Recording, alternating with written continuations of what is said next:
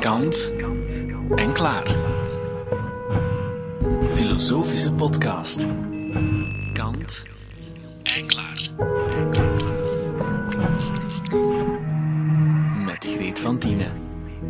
Welkom in deze filosofische zoekmachine, aangedreven door de vier grondvragen van de filosofie, zoals Immanuel Kant, die meer dan twee eeuwen geleden voor ons uittekende.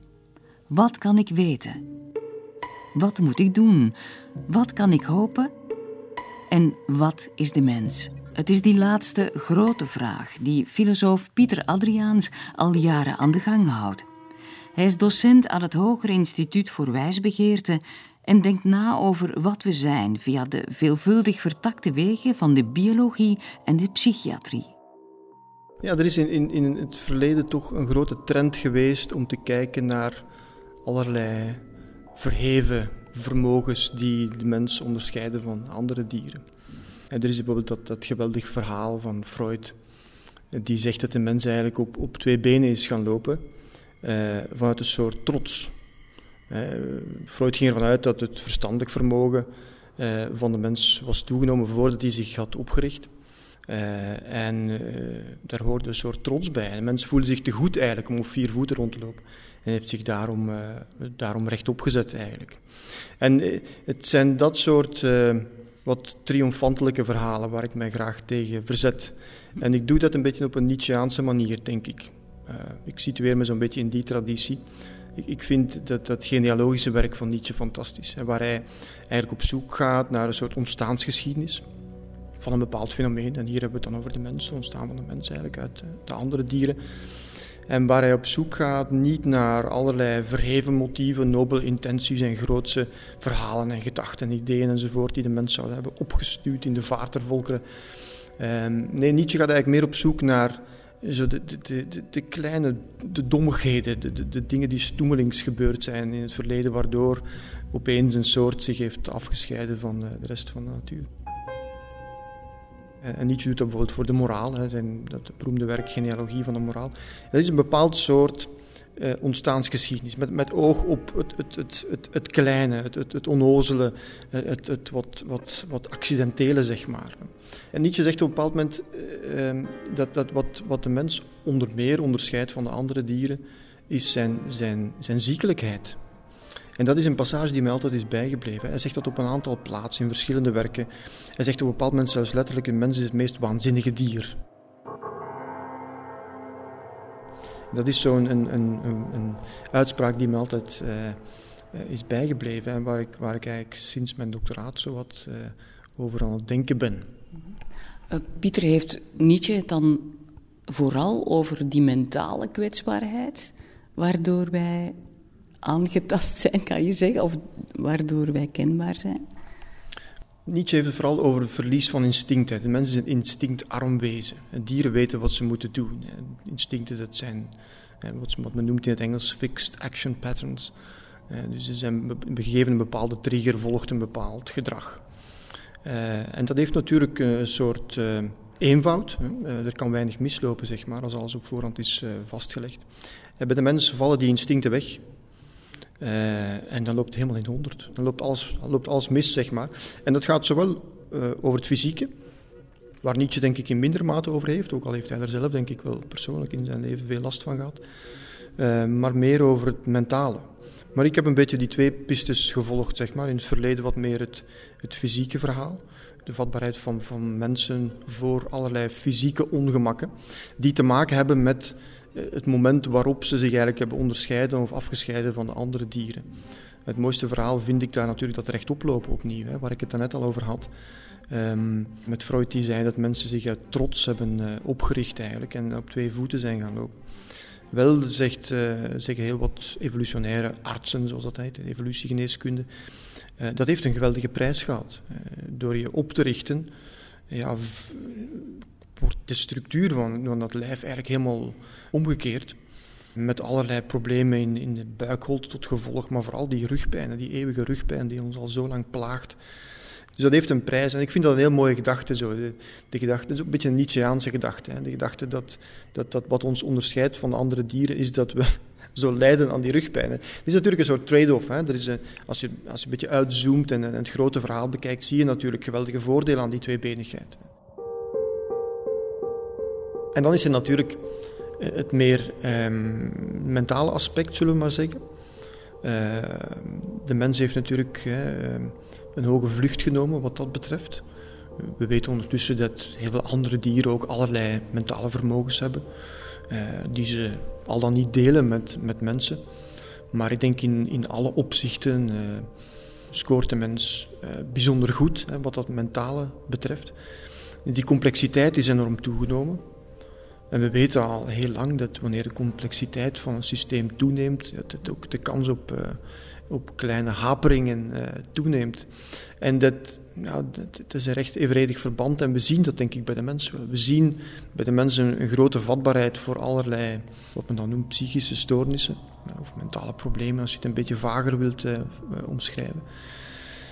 En ook dat zou je kunnen zien als een soort prijs die we betalen voor natuurlijk dat geweldige vermogen hè, dat we hebben om met onze geest uh, allerlei, allerlei zaken te doen.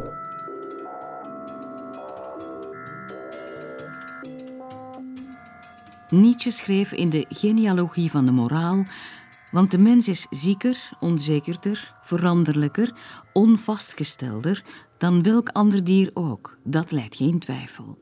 En langs de andere kant schetst Nietzsche de mens als de grote experimentator met zichzelf, de eeuwig toekomstige. En stelt hij dat het niet anders kan dan dat een dergelijk moedig en rijk dier ook het meest bedreigde is. In de hedendaagse biologie, eh, bijvoorbeeld in, ik heb onlangs nog wat teksten gelezen uit, de, uit evolutionaire genetica enzovoort, wordt dat idee van Freud net heel erg eh, bevestigd. De gedachte dat wij allemaal op een of ander vlak wel haperen. En bovendien kan je er ook nog aan toevoegen dat, dat heel veel van die haperingen uh, die ons als mens uh, um, typeren, dat die ook wat aan het oog verborgen blijven. Hè. En dat die pas bij de psycholoog, bij de psychiater, op de divan of waar dan ook plots een beetje stoemelings tevoorschijn komen. Zo wat, soort, wat sommige mensen noemen een soort verborgen pathologie. Betekent dat dan dat die bij de psycholoog, of als we in een, een crisis zitten, dat er dan een naam opgeplaatst wordt, wat anders niet gebeurt, omdat je er gewoon mee leeft? Kijk, dat is een moeilijke kwestie. Er is een heel grote nood in dat domein van de geestelijke gezondheidszorg.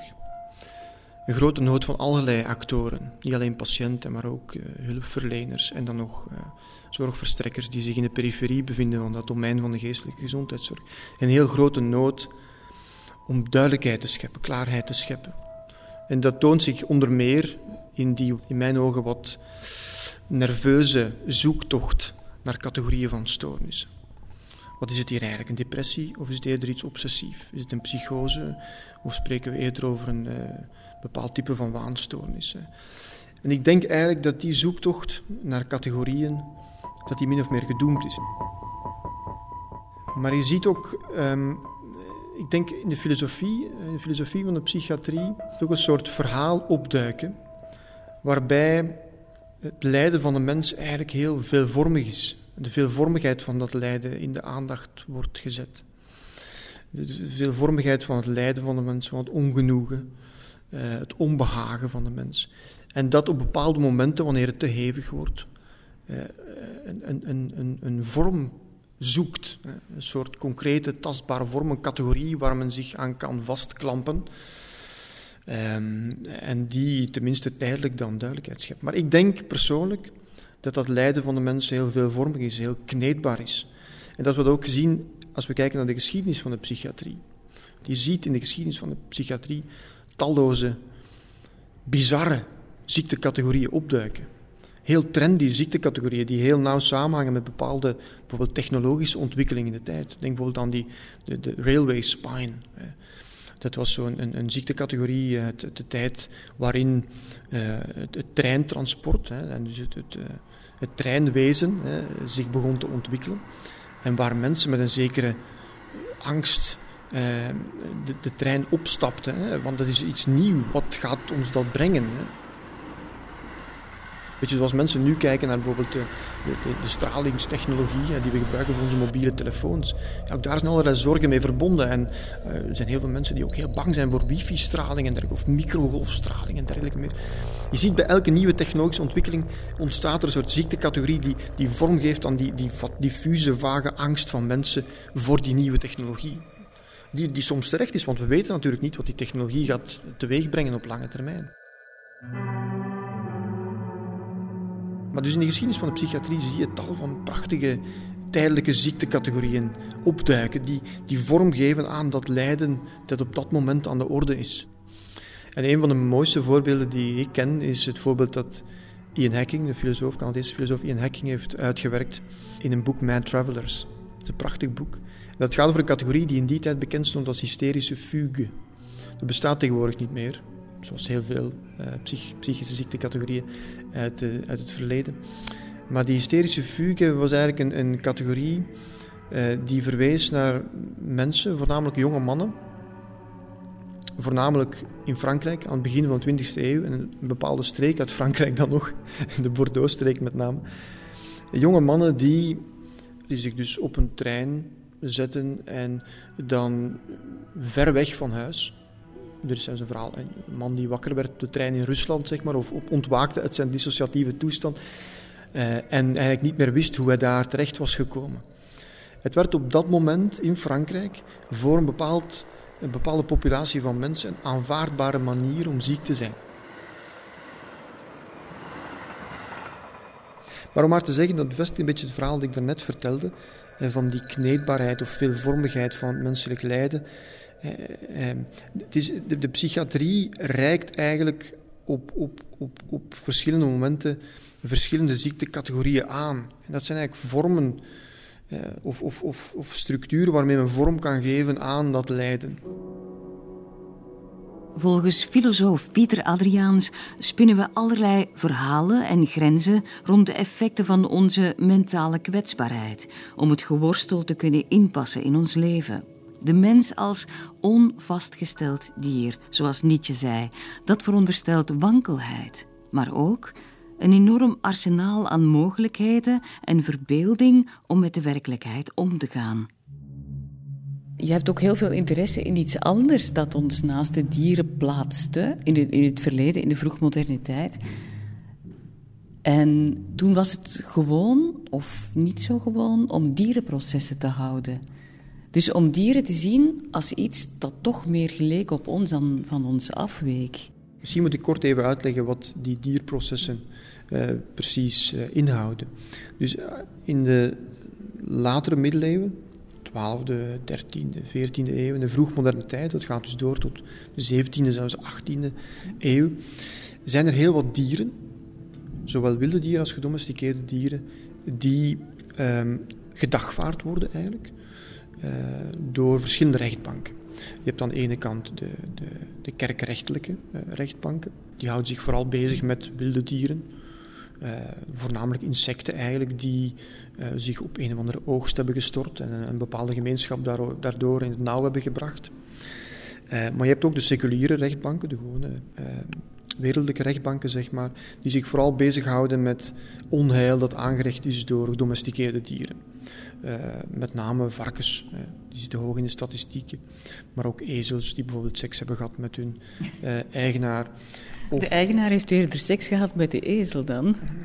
Wel, ja. de suggestie is tenminste dat er een soort medeplichtigheid is van het dier.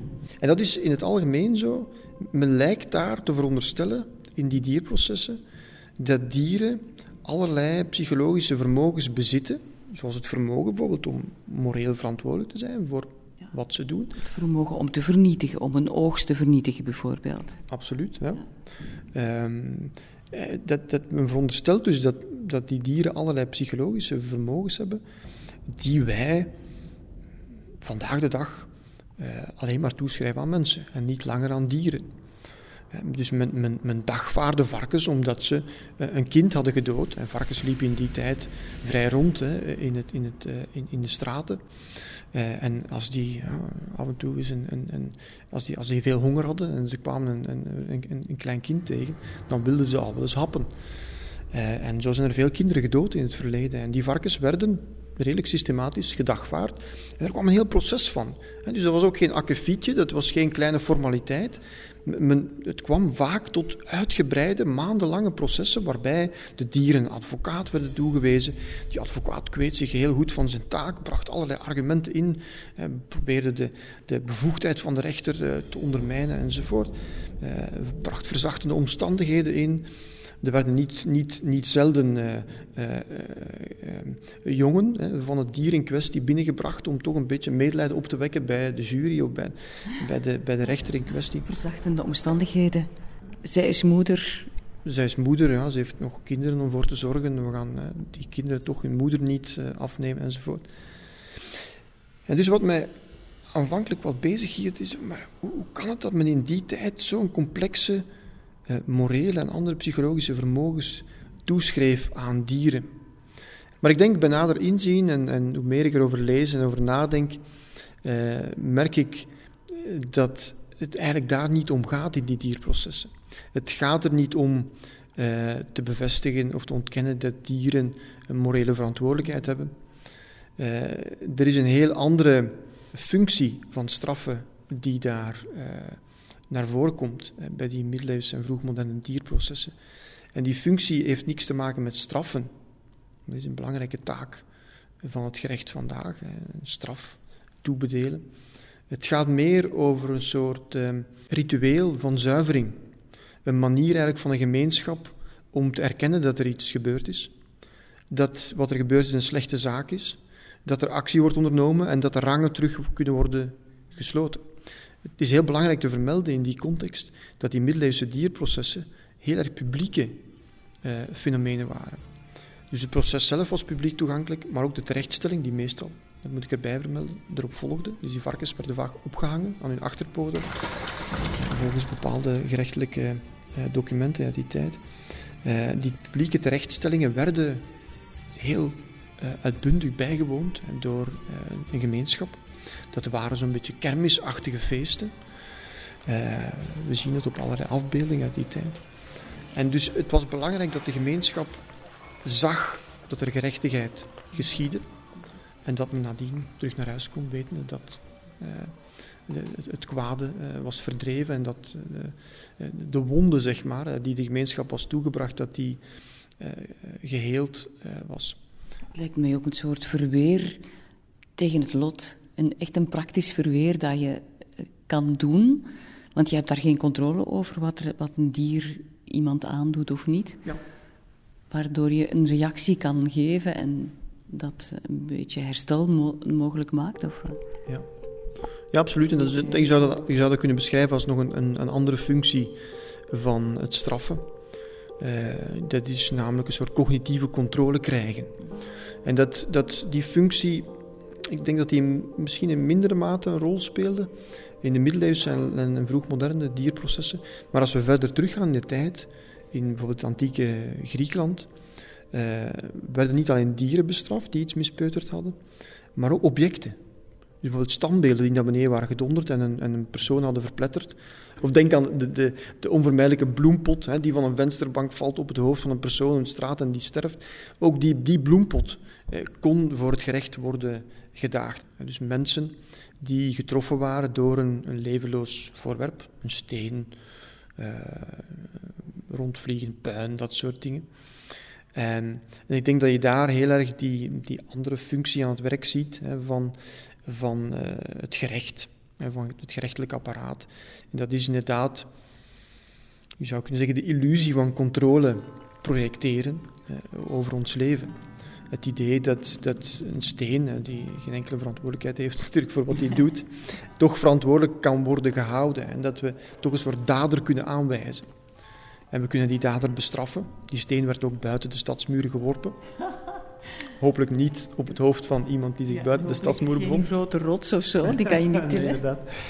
Uh, die werd dus buiten de stadsmuren geworpen. en werd dus op die manier eigenlijk gestraft ook. En, en, en die, die straf gaf denk ik veel mensen toch de illusie dat ze op een of andere manier controle konden hebben over, over die meest oncontroleerbare aspecten van het menselijk leven. Dat onvermijdelijk oncontroleerbare eh, aspect van het menselijk leven. De oncontroleerbare aspecten van het leven. Daar worden we in tijden van onzekerheid en pandemie natuurlijk nog eens extra mee geconfronteerd. We kunnen het virus spijtig genoeg niet voor de rechtbank slepen, zoals onze voorouders dat deden met een vraatzuchtige bende sprinkhanen of met een moordende steen. Maar we kunnen wel mededogen halen uit het besef dat, zoals Pieter Adriaans het stelde, kwetsbaarheid in ons DNA geschreven staat en dat het ons tegelijk ook rijk aan mogelijkheden maakt. Volgende keer voert de Nederlandse schrijver en denker Bas Heijnen zijn persoonlijke onderzoek naar wat een mens is en wat we in de toekomst willen zijn. Wat kunnen we aanvangen met die mens die chronisch op zoek is naar zekerheid in een alsmaar complexere wereld? Benieuwd waar we zullen uitkomen. Heel graag. Tot dan. U luisterde naar Kant en Klaar. Een productie van Clara. Kant en Klaar. U kunt alle afleveringen herbeluisteren via clara.be of via een abonnement op de podcast. Reageren kan via kant.clara.be.